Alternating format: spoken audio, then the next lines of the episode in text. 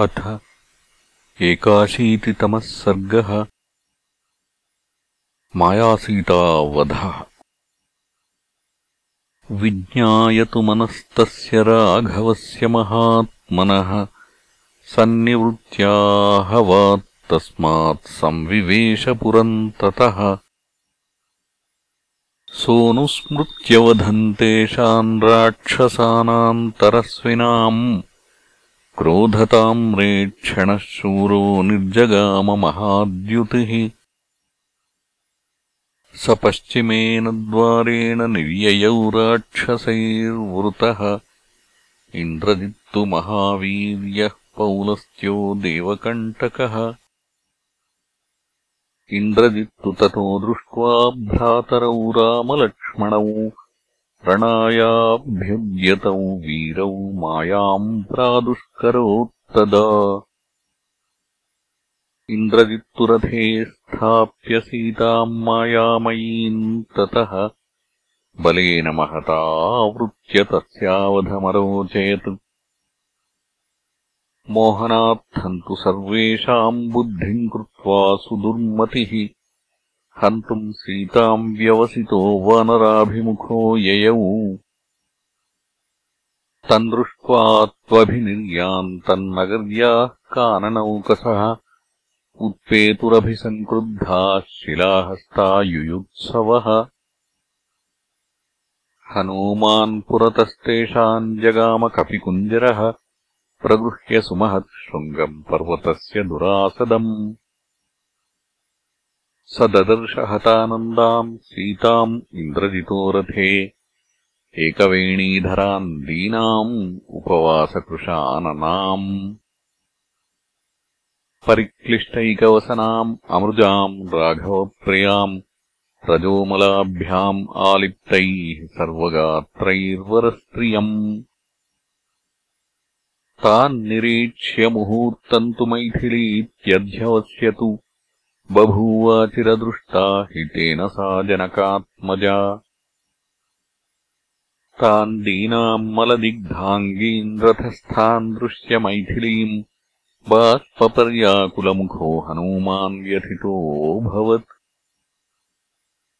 अब्रवीत्तान् तु शोकात्तान् निरानन्दान् तपस्विनीम् सीतान् रथस्थितान् दृष्ट्वा राक्षसेन्द्रसुताश्रिताम् किम् समर्थितमस्येति चिन्तयन् स महाकपिः सह तैर्वानरश्रेष्ठैः अभ्यधावत रावणिम् तद्वानरबलम् दृष्ट्वा रावणिः क्रोधमूर्च्छितः कृत्वा विकोशम् निस्त्रिंशम् मूर्ध्नि सीताम् परामृशत्। ताम् स्त्रियम् पश्यताम् तेषाम् ताडयामास रावणिः क्रोशन्तीम् राम रामेति मायया योजितान् रथे। गृहीतमूर्धजान् दृष्ट्वा हनूमान् दैन्यमागतः शोकजम् वारिणेत्राभ्याम् असृजन्मारुतात्मजः तान् दृष्ट्वा चारु सर्वाङ्गीन् रामस्य महिषीम् प्रियाम् अब्रवीत्परुषम् वाक्यम् क्रोधाद्रक्षोऽधिपात्मजम् दुरात्मन्नात्मनाशाय केशपक्षे परामृशः ब्रह्मर्षीणाम् कुले जातो राक्षसीम् योनिमाश्रितः। धिक् त्वाम् पापसमाचारम् यस्य ते मतिरीदृशी। नृशंसानार्यदुर्वृत्त क्षुद्र पापपराक्रम। अनार्यस्येदृशम् कर्म घृणा तेनास्ति निर्घृण च्युतागृहाच्च राज्याच्च रामहस्ताच्च मैथिली। किम् तवैषापराद्धा हि यदेनाम् हन्तुमिच्छसि। सीताम् च हत्वा न चिरम् जीविष्यसि कथञ्चन। वधार्हकर्मणानेन मम हस्तगतो ह्यसि। ये च स्त्रीघातिनाम् लोकालोकवध्येषु कुत्सिताः इह जीवितमुत्सृज्य प्रेत्यतान् प्रतिपत्स्यसे इति ब्रुवाणो हनुमान् सायुधैर्हरिभिर्वृतः अभ्यधावत सङ्क्रुद्धो राक्षसेन्द्रसुतम् प्रति। आपतन्तम् महावीर्यम् तदनीकम् वनौकसाम् रक्षसाम् भीमवेगानाम् अनीकम् तु न्यवारयत्। सताम् बाणसहस्रेण विक्षोभ्य हरिवाहिनीम् हरिश्रेष्ठम् हनूमन्तम् इन्द्रजित्प्रत्युवाचः। सुग्रीवस्त्वम् च रामश्च। यन्निमित्तम् इहागताः ताम् हनिष्यामि वैदेहीम् अद्यैव तव पश्यतः। इमाम् हत्वा ततो रामम् लक्ष्मणम् त्वाम् च वानर। सुग्रीवम् च वधिष्यामि तम् च अनार्यम् विभीषणम्